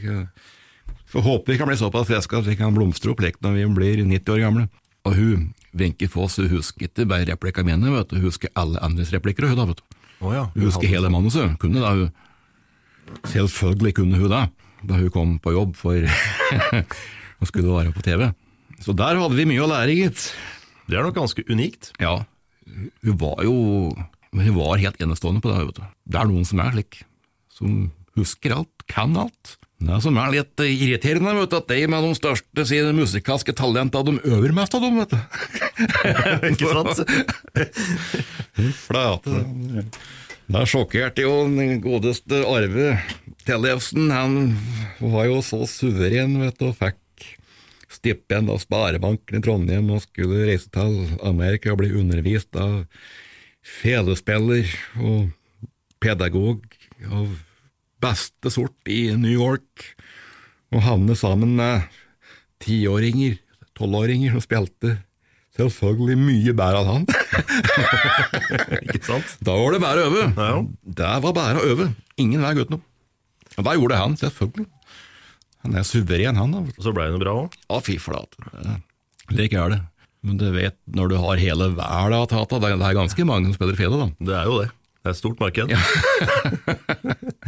Det er, det er ikke som langrenn. Nei. Men der i, der i Carl og Co. så spilte du mot eh, Carl Reverud. Ja. Hvordan var det? Nils Vogt, ja. Han bor sammen med han, da. Sint fyr. Ja, han er ikke sint privat, da. Nei, akkurat som Carl, så er han nesten Det er vel, det er vel derfor den, han, han var så bra da, som sint man òg, for han er aldri sint privat. da er ikke lov til å få ut alt. Det er live, vet du. Det er publikum i salen, og da kan du være bajas, da. Du har alltid publikum i bakhuget når du står der. Var det ofte at innspillinga ble gjort om igjen, eller var det kun ett, én tagning, og så var det greit? Det var én tagning, så var det greit. Det var vel noe vi måtte gjøre om, kanskje pga. teknikk, at det kunne være mikrofon i bildet eller noe slikt noe. Men eh, stort sett så var det tatt uh, var live, det, ja. Én episode hver uke, eller var det Ja, nå uka? nå, nå vet jeg meg hver episode, men eh, hvor mange var de var med? Fem-seks stykker? eller noe? Det var mye å lære seg for en, eh, Nils, altså. Fy flate. Det var et manus, en, en tjukk ringperm med manus. Han måtte kunne. Lurer på om det er på 50 sider eller noe sånt. Ja. Det er helt ja. eh, vanvittig. Ja. Men noen år før det nå, så samarbeida dere sammen med han og Marianne Krognes. eh, Ja. En høgelig time. Ja, jeg kjente jo Nils jeg da, vet du, for vi hadde jo spilt eh, show på Dizzie Showteater. Han spilte sommershow i Tønsberg, og han er rar, han Nils da, vet du. Marianne er rar, da, vet du. det lar sitt ikke forklare, da, skjønner du. Hva er det som gjør at noen er rare og ikke rare? Nei. Jeg har jo erfart at uh, vi har jo, har jo sett da, veldig kvikke skuespillere skal prøve å være rare, og ikke, får det helt til. Og så er det like tullinger som kan si en replikk, og så døver han litt. Men eh, det lar seg ikke forklare Sånn på en fornuftig måte, men jeg, jeg, for min del så har jeg vel jeg stått og vært en, en raring og prøvd å være morsom og komme med noen replikker overfor en onkel eller en tante fra jeg var jeg, jeg kunne prate, vet du. Så har jeg stått der og fortalt en vits, og så har jeg vel kanskje ikke fått det helt til, og så har jeg vel øvd litt på det, så har jeg sagt det til tanta mi dagen etterpå, og så flirer hun, ikke sant?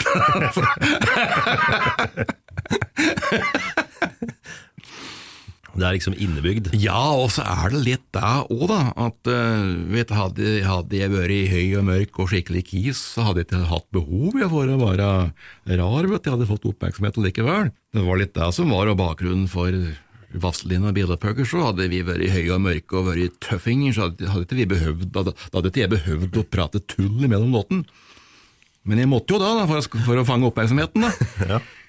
Blir det tullprat, da, og så flirer folk. Og så var det elegant eh, bekledning, da. Hatter og Ja, det, vi, var ute, eh, vi, var ute med det faktisk før Blues Brothers. For det har, eh, historikken var det at vi skulle ha spilledress på oss, vi skulle være profesjonelle. Det var fra 60-tallet, da. Det er jo kjent historie nå at det var like soul-sangere på tavla måte, som sto på TV og i like fine silkedresser og sang selvfølgelig helt enestående evergreens, noen låter som vi alle kan. Men eneste de hadde, det var spilledressen. De hadde ikke noe annet privat, men de skulle se profesjonelle ut på TV, for de hadde en form for uniform på seg. Altså spilledress. Og det var jo bare selvironi da, at jeg fikk, jeg fikk jo lånt spilledress av Terje Evang, som spilte kontrabass i Østbys 61. Så den var jo ferdig spilt, den dressen foran.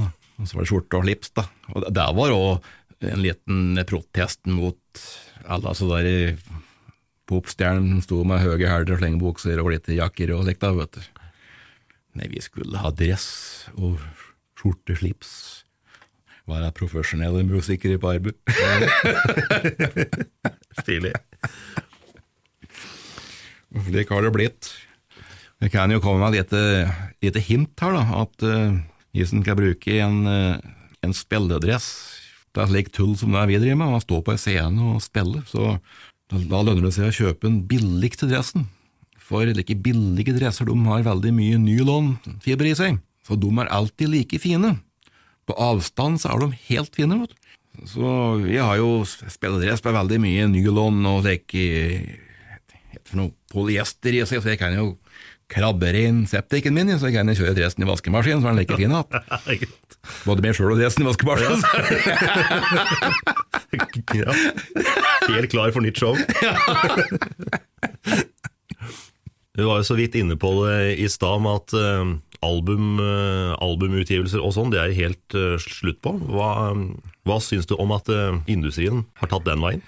Ja, jeg kan synes og jeg vil, jeg vet. Det er, det er, plutselig så er det i løpet av natta nesten så ble det en internasjonal bransje. For det ble lydfiller som ble publisert på nett, og en hvilken som helst kar, om det var i Sør-Korea eller i Brasil, kunne laste den ned. Og da er det jo sterkestes rett, da.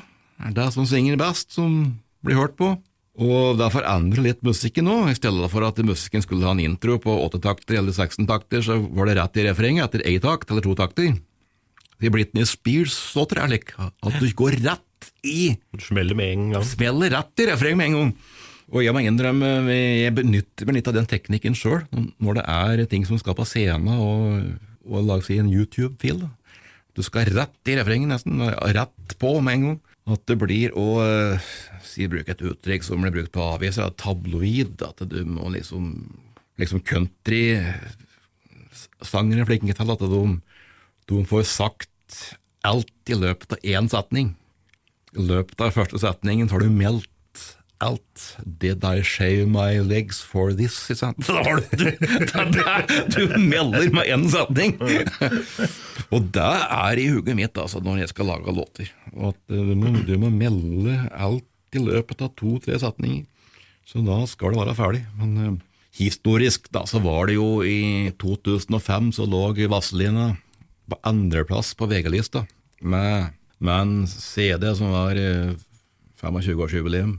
Og vi tjente ikke penger på den CD-en. Første gang. Vi, vi solgte mett av CD-er, men vi tjente ikke penger, for det måtte bruke det opp i annonseringer og promo, liksom vi sier da, vet du. Og da var det iallfall ingen andre på VG-lista som tjente penger, for vi sparer jo på alt. Vi sparer på, kan vi spare 50 kroner med å kjøpe fire flasker med litt billigere Solo, så gjør vi det, ikke sant?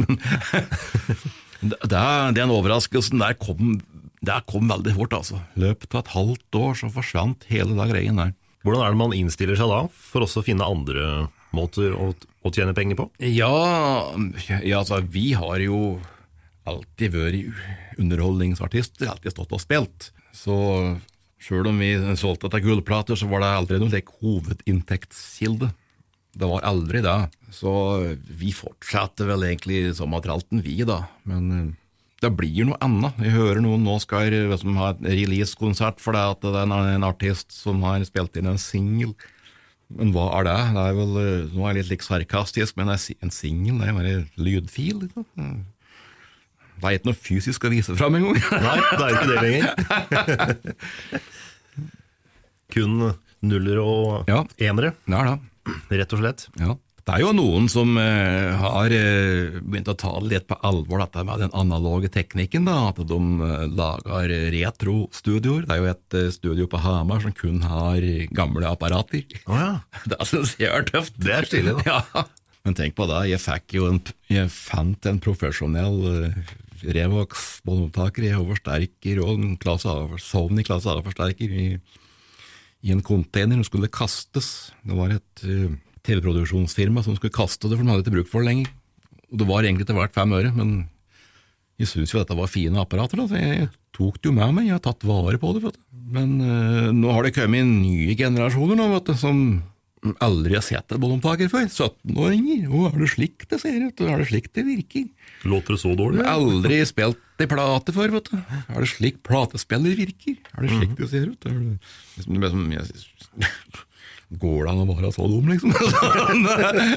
Men klart, da, hadde de aldri sett det før, vet du. Nei, ikke sant. Aldri, aldri tenkt over det. For nå er det vel så du, du, du blir overlesset vet du, av musikk og inntrykk alle steder. Liksom jeg prater på at det var det første digitale formaten som ble spilt inn. Nå får du digital lyd i alle steder. Nå får du bilder. Telefon som spiller inn video i 4K.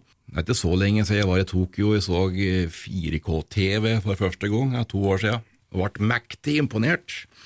Altså 4K det er fire ganger high definition TV. Og så har du det på telefonen din altså, to år etterpå. Da er det omtrent standard, liksom? det er ingen grense vet du, for å, høy oppløsning, og teknikken er, det er ikke noen brems lenger. Du kan putte inn telefonen likevel. Eneste utfordringa da, det er, at, hvis, at, eh, det er jo da at hvis du skal se på formater som er 15 år gamle, så ser ja. du ikke ut i det hele tatt. Det er bare grøt. ja, jeg vet ikke. Men handling og Handlingen er det samme. Repertoaret er det er det jo. Det har jo vært en kjempeutvikling da, fra da, da du hadde miksebord så svære ja. som uh, ja. ja. en bil. Ja. Jeg, jeg, jeg, reflekterer jo over at de har spilt inn en James Bond-film der James Bond nesten aldri fysisk er ute av studio. Der alt er laga i datamaskin. Altså all bakgrunn alt, og bilkjøring alt er laga på datamaskin. Det syns jeg er litt, eh, litt rart, altså. Men, eh, men er det en bra story, så fy flate, altså. Jeg, jeg, den filmen jeg har sett flere ganger, er, er den uh, siste King Kong-filmen. Oh, ja. Jeg syns jeg er kjempetøft, altså, for det er, så, det er, så, fin story, vet du. Det er så spennende. Og hele tida pådrag med, med, nye ting. Vi skjønner jo det er uh, filmtriks at uh, dama står på toppen på Empire State Building i novembersola med nysnø rundt seg, bare aftenkjole, men bra, il bra det er en fin, fin, historie, vet du. Mm. Akkurat nå om dagen, i idet vi spiller inn det her, så er du klar for uh, hver gang vi møtes. Ja. Det vil si, det spilte du inn for et halvt år siden, ja. men uh, hvordan var det? Det var kjempemoro. Det var, det var slitsomt, for vi var jo var 17 timer på hver dag. Men det var veldig moro, for det var så mye energi i oss som satt rundt det bordet, og vi spilte andres låter da, hele tida. Så når vi ser tilbake på det, så var det jo bare moro. Og vi ble jo tatt veldig godt vare på, for det at uh, dette er jo et TV-program der vi som er med, gjør ting vi kan. Eldar Vågan står ikke og baker rullekaker. rullekake. Vi står og spiller. ja, ikke sant.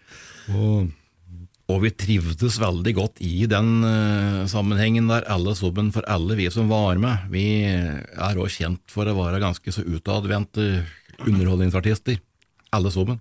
Så det ble veldig utadvendt og, og kjapt i replikkene, veldig bra, altså. Og så er det da, da, vet du, at jeg som har vært med i mange år, at dette ble spilt inn med de beste kamerafolka i bransjen, beste lydfolka, største lydbussen, lysbuss, alt var beste folka i bransjen. Og vi ble tatt vare på på best mulig måte. Da, hvis jeg ville, så kunne vi fått uh, pils og akevitt og sjokoladepudding døgnet rundt. jeg gjorde ikke det, da, men vi fikk jo så god mat, så jeg måtte jo be en, uh, en rekvisitør reise på Samvirket i dag og kjøpe samarin, som jeg kunne fordøye all den der oh, fileten i meg. Støvsug tallerken, vet du. Ja, ja, ja. Det er, eh, det er, positivt. Det må ikke hete hele tida, men det så klart du får det servert, og det ser så bra ut. Det er klart den eter, da? Klart du får lammekoteletter og pils og akevitt til middagen. Klart. Du et jo det, da. du det, deg? Selvfølgelig. Men det da å stå og skulle gjøre låter av andre Noen har du ja. kanskje hilst på før, andre ja. har du kanskje aldri hilst på. Hvordan, hvordan er det? Jeg må innrømme, den rappen til dansken, den var litt kjelkete, den. Så for min del så startet det egentlig på den vanskeligste måten. For eh, hvis jeg skulle rappe vet du, på totning, så ville folk begynne å flire. Og da kunne det virke som at, eh, at jeg egentlig bare sto der og kødde, vet du. Og skulle være komiker, og det er så mye rart, og så der. Det på, melde en, like, en litt alvorlig tekst. Litt slik metafysisk tekst på totning. Det, har vært galt, vet du, så ble det helt feil tempo òg, men jeg, jeg mener, jeg, jeg fant jo ut hullet, da. Men vi prøvde flere varianter, altså den sleit jeg med, og det var en som var litt kjelket òg. Det var den første låta vi, jeg og bandet, bandet drev med. Øvde. Jeg, kjente heller ikke bandet. Men dette fant vi ut av. Så, men eh, det er mange som kanskje kan tenke seg at det var litt gruvalt for meg å stå og spille si Benny Borg-låt, og så sitter en Benny Borg tre meter framme av kneskålen min og hører på. Men eh, jeg løste vel eh, det musikalske med at jeg nullstilte meg. Jeg nullstilte tekst og melodi. At jeg, jeg så teksta før meg og melodien og besifring, harmonier, og så kunne jeg kanskje strekke strikken litt med harmonier, men melodien og tekst måtte være det samme. Og så laga jeg helt nye versjoner. Jeg laga en tango, jeg laga en swingjazz-låt, og jeg laga ja, litt countrylåt og greier, da. Liksom, liksom jeg er kanskje kjent for å spille, da om det funker. De, de var nå fornøyd, de som satt der. Og så har jeg en, en egen tekning at jeg bruker å følge, følge med på mikrofonen som er på slik mikrofonstang. Hvis den stanga begynner å riste, da står lydmannen og flirer. Oh, ja. Da virker det bra, vet du. Ja.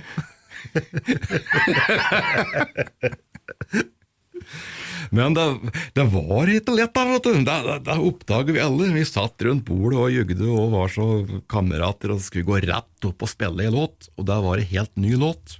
For det første så er det alltid vanskelig å spille en helt ny låt, og så var det ingen Det var ikke noe tid til å forberede seg. For eh, hvis du skal gå inn på en scene og være med i TV-program og spille en ny låt, så står du alltid og Altså, jeg, jeg står alltid og memorerer låta og, og liksom, liksom ser på slalåmkjører, jeg står og kjører gjennom slalåmløypa på forhånd, ikke sant? men det var rett ifra sjokoladepuddingen og opp på spillet. Så jeg måtte gire om hugget mitt, da. Og så er det en del hugget mitt som liksom er produsenten. Så jeg måtte prøve å forholde meg til kamera og være litt lekk ordentlig. Da. Og så var det en del som var eh, underholdningsartisten og bajasen og improvisatoren. ikke sant? Så jeg måtte liksom i min innerste, innerste sjel stå og balansere da, ja. mellom å være bygdetullingen og den som òg måtte være litt rak i ryggen og melde midt i kamera. Jeg snakka jo med Ravi her i fjor, og han sa jo det at det var en veldig omfattende produksjon. Åtte kameraer, tror jeg ja. han, han, sa det var. Ja. Jo, det, blir jo, det blir jo film i alle bøver og kanter. Vet du. Du, du i tre-fire kamera, kameravinkler ifra du står opp, ifra du har fått på deg buksa. altså. Så hvis noen vil eksempel, filme at jeg sitter og griner i, i ti dager, så lær du seg finne opptak med det, vet du. Men eh, jeg er ikke bekymret for åssen dette vil se ut, da. Fy flate, det, jeg ser så fint ut. Da. det. blir nok veldig bra. Ja da. Gjør du mye opptredener ellers, da? Ja, Når det gjelder opptreden, så er det Jeg spiller jo med Vazelina, da. Og det som er litt nytt med Vazelina nå, er at nå spiller vi på en del festivaler. Store, fine festivaler. For er det tredje generasjon, fjerde generasjon publikum? Og da spiller vi et slags konsentrat av et greatest hits, og leker er veldig veldig typiske sjøl. Essensen av det sjøl, da. For på festivaler så skal det ikke stå så lenge da, å spille, og bli tatt veldig godt vare på, bra honorar, alt er tipp topp. Vi slipper å drive og bære og rigge og rigge opp og rigge ned, og det er tipp topp. Og så er det en del uh, jobber som jeg gjør som Vazelina aldri kan gjøre. Altså Jeg kan stå alene, koble opp en uh, gitar og høyttaler, og så spille med begge hendene. Si for gruppe på si 20 salger, for et firma. Uh, event, som det heter. Stille opp alene. Jeg har til og med spilt for tre karer, tre lottovinnere i en sofa. Oi! Det er mer krevende der, vet du. Ja, det, å stå og spille slik så intimt enn å si å rigge opp og spille i en konsertsal, for da har, det, da har jeg et program som jeg holder meg til, som jeg, jeg vet liksom helt og neste moment blir. Men når du er Liksom, jeg spilte jo på biblioteket på Østre Toten. Da sto jeg bokstavelig talt med kneskåren imellom knærne. Altså. At ordføreren og, og Ja. Jeg, jeg sto med kneskålen imellom kara på første rad. De måtte bøye seg unna så de skulle få plass til gitaren. Da begynner det å bli ganske intimt. Da. Vi flate. Blei det noen endringer etter at uh, Viggo slutta? Ja, vi, vi, vi, måtte jo gjøre om en del ting, da, for det, vi er jo alle, alle forskjellige. Så vi, vi, må jo tilpasse vokalisten. Ikke bare tonearter, men det, det er jo litt slik at uh, vi må lage rapport. Han, han Kjetil da, han er jo en veldig flink vokalist. Han er den flinkeste vokalisten jeg visste om i distriktet til å være med og synge. Så vi må legge om slik at uh, Først er det tullballgreien, og så blir han, får vi markedsført han. Som, nå kan du synge den fine balladen, og så gjør han det. Stort og fint og flott. Det er mange tullebukker til oss, da, du, men det, det er dessverre ikke så mange som kan å synge.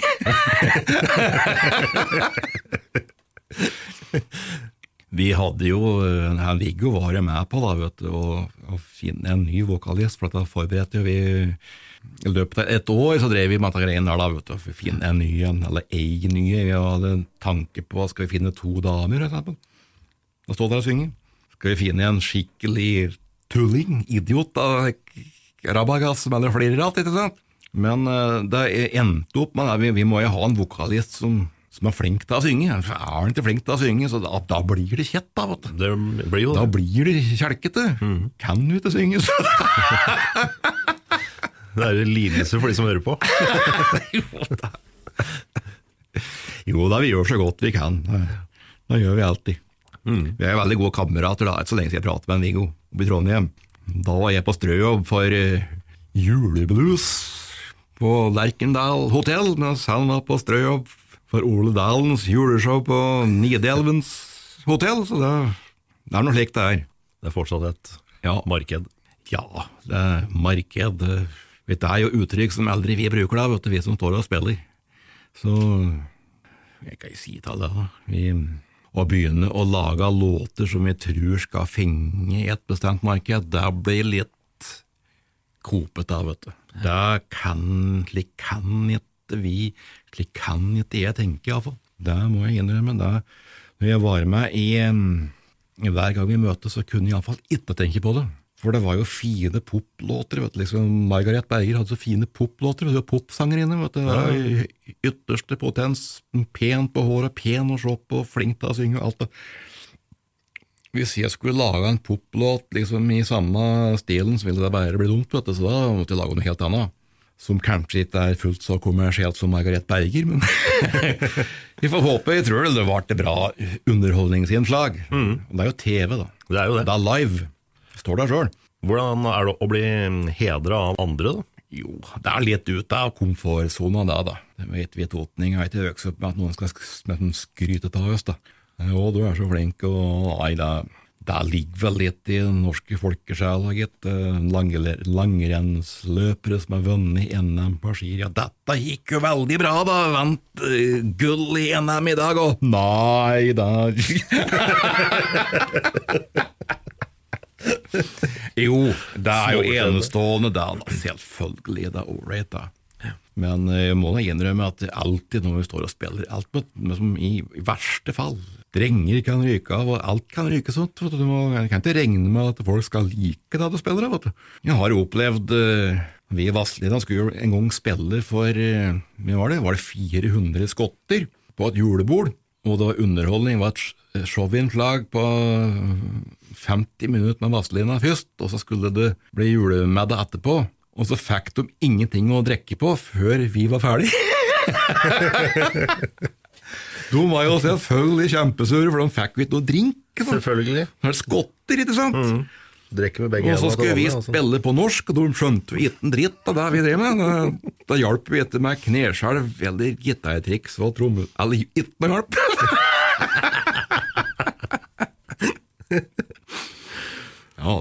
Det er ikke greit. Nei, da, den var vel egentlig litt uh, håpløs og litt uinntagelig, da, men vi kan flire av det nå. Vi fikk ikke gjort noe med det. Men det ble ei bra historie? Ja, det ble en historie etterpå. Det. Ja. Vi pratet jo med det skottet etterpå, og de skjønte jo det, at det var jo helt utgangspunktet i håpløs tilstand, både for oss og for publikum. da. Men ja, jo klart, vi har jo opplevd, vet du, vi vi har spilt, og vi spilte på åpningen på et slags eh, kulturhus på Vestlandet som, som gamleordføreren og, og alle de gamle, gamle herredsstyret fra før krigen sant, var invitert og satt på første rad, og så kom vi, gutta, og spilte, og vi skulle muntre opp forsamlingen med å spille rock, billy boogie og var helt tullebukker, og det var jo selvfølgelig det verste de hadde hørt. Oh, ja. Det var jo det. 80 år gammel kar. sant? Ja. Rockemusikk er det verste altså Dette er lenge siden, da. 30 år siden, men eh, vi må jo se litt logikken i det. da. Ja, Det er jo helt far out da, hvis du er 80 ja, år. Ja, men vi forts da, da fortsatte men vi spilte for norske amerikanere, både i Midtvesten. Og, og, og, dette var jo 30 år siden da òg, og da den gangen så var eh, skandinavisk Iallfall de gamlingene, der var det jo utflytte nordmenn som da var 85 år gamle. Og vi skulle kvikke opp forsamlingen med å spille rock, billy boogie og bære like rockelåter, og det var jo selvfølgelig det verste de visste, det verste de hadde hørt. Men vi hadde jo reist langt, da. Vi måtte jo spille. Ja. Da var det krisemøte, da var det rett inn på dass, og så sto vi der, da. Hva er det vi kan spille? Ja, vi må jo spille den. Ja. Nordlandsnetter kan vi spille. Ja, ja den, den, kan vi harmonia på. Vi kan spille trompet. Og så gjorde vi da et lite comeback på scenen. Da ble det Nordlandsnetter og Nidelven. Jeg går og rusler på Ringerike. Jeg tror vi kom på et par-tre til like låter, skjønner du. Mm. Og så avslutter vi med den kvikke låta Lappland.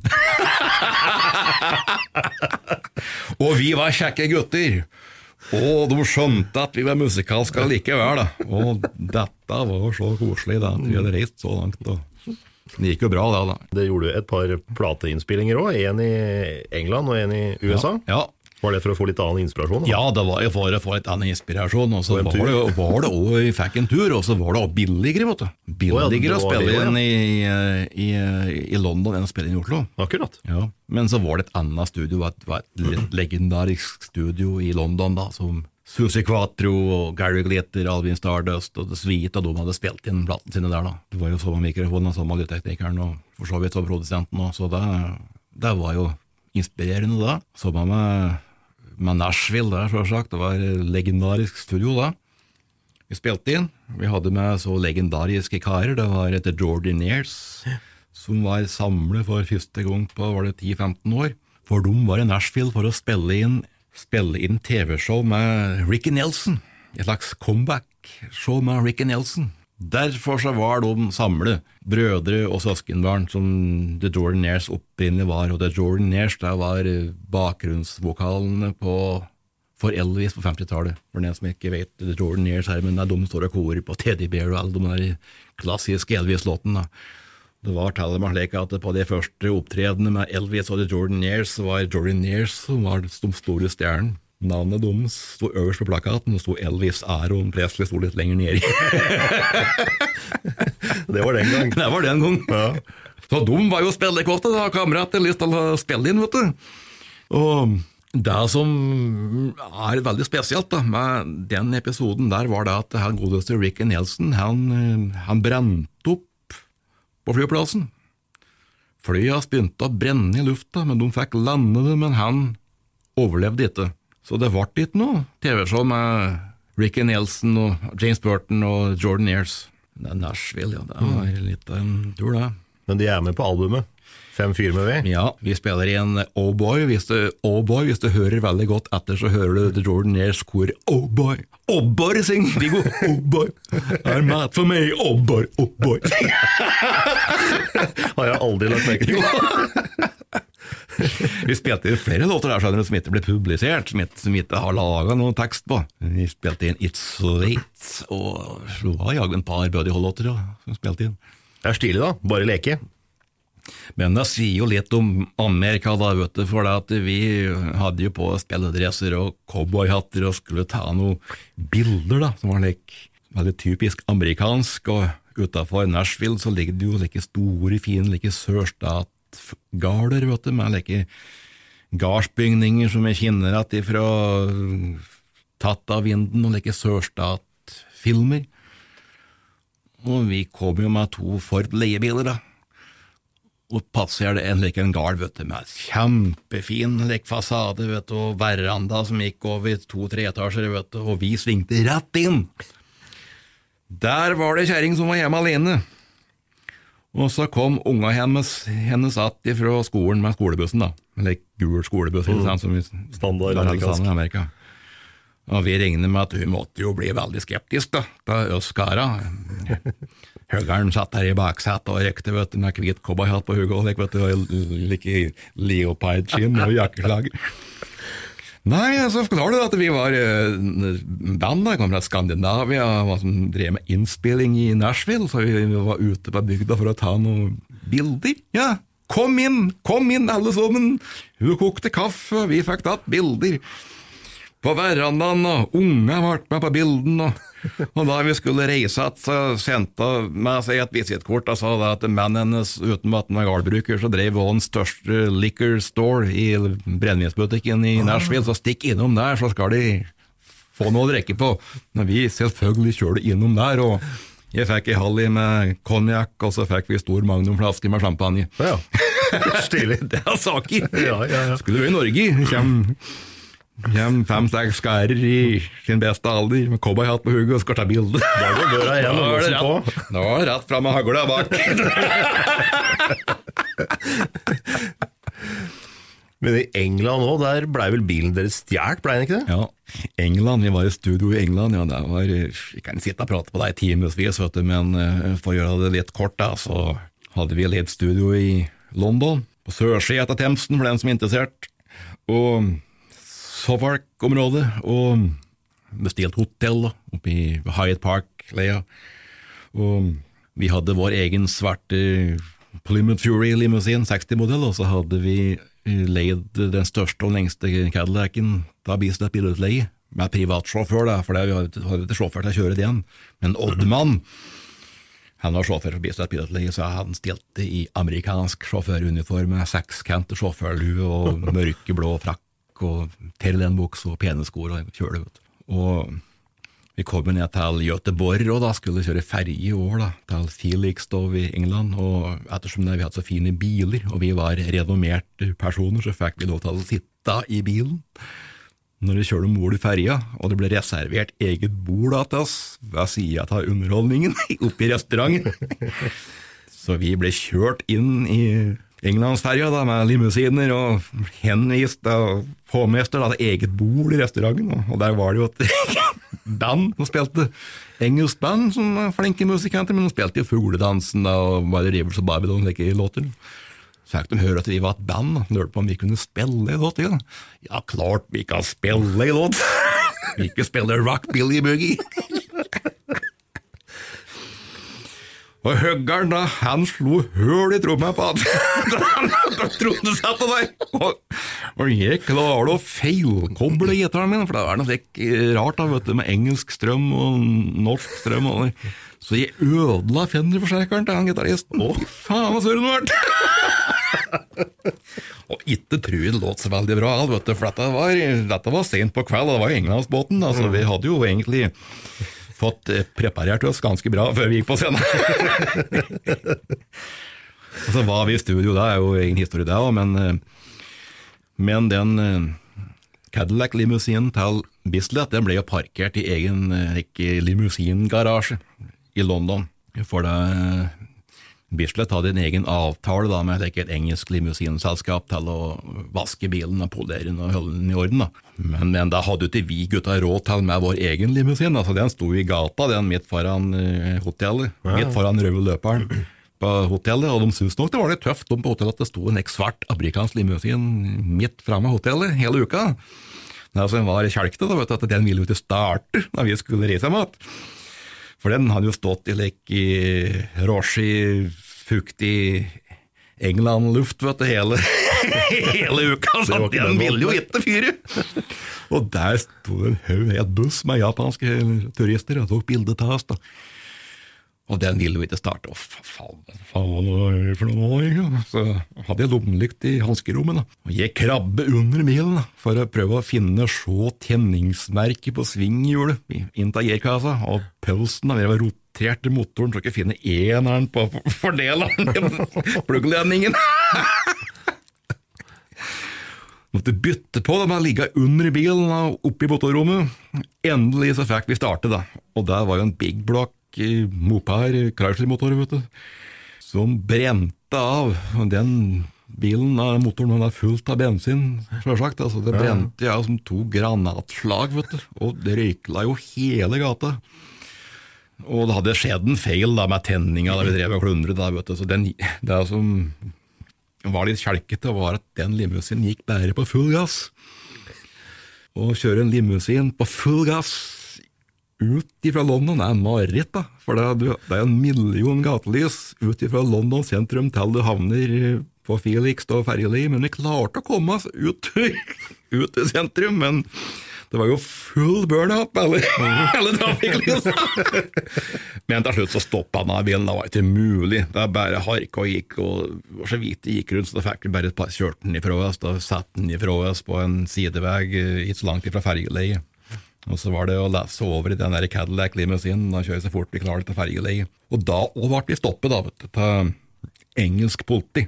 Det kom en Ford inn med like rullegardin i, i bakvinduet, vet du. Sving inn til venstre. Turn left. Og ut hoppet det to engelske politifolk, ikke sant, med like rutemønster på skyggeluen sin. og da sa Oddemann, bli sittende stille i bilen, bli sittende stille i bilen. Oddemann hoppet ut av Cadillacen i amerikansk sjåføruniform og litt like mørke briller og Terrelien-bukse og mørkeblå frakk og og strøvfrakk og, og prate, vet du, niprat og prate, prate, prate. Så helste dumt av lua, så ble vi vinke videre. Da hadde Oddemann sagt at vi var eh, medlemmer av den norske kongefamilien, så vi måtte rekke ferja. Så han beklager veldig at hadde kjørt for fort og likt. da. Men du skjønner det, vi er medlem av norske kongefamilien, og vi må, må rekke fergen til Oslo. Og det gikk? Ja, det gikk. Vi får nå høre. Ja. Den norske kongefamilien kan jo flire at det nå Men hva skal vi si? Vi måtte jo med ferja. Ja, ja, ja. Tider. En kameramann i, i New York sa det samme, vet du. For da vi, vi drev og filmet foran eh, Hotell Astoria på hjørnet med Central Park, reklamefilm for Vasa knekkebrød, så var det så mye folk som sto og så på det. For det var jo filmteam, lys og lyd og, og litt apparater, ikke sant? Ja, ja. Det er jo som Og vi hadde, vi hadde høyttalere med musikkvideo, musikkvideo på knekkebrød og greier, da, vet du. Og så sto det så mye folk, og så kom det noen like buddhistiske munker bort til kameramenn og lurte på hvorfor er det så mye, mye folk som står og ser på dette her. They are members of the Norwegian royal family, sa kameramenn. Really?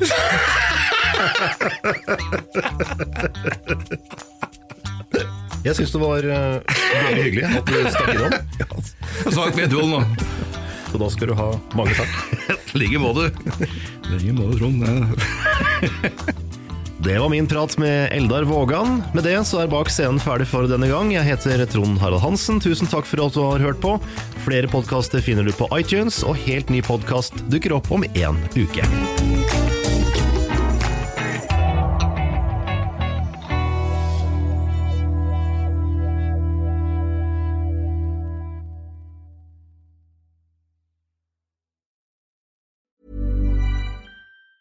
Hi, I'm Daniel, founder of Pretty Litter. Did you know cats tend to hide symptoms of sickness and pain? I learned this the hard way after losing my cat, Gingy. So I created Pretty Litter, a health monitoring litter that helps detect early signs of illness by changing colors, saving you money and potentially your cat's life. Pretty Litter is veterinarian developed, and it's the easiest way to keep tabs on your fur baby's health right at home. Go to prettylitter.com and use code ACAST for 20% off your first order and a free cat toy. Terms and conditions apply. See site for details.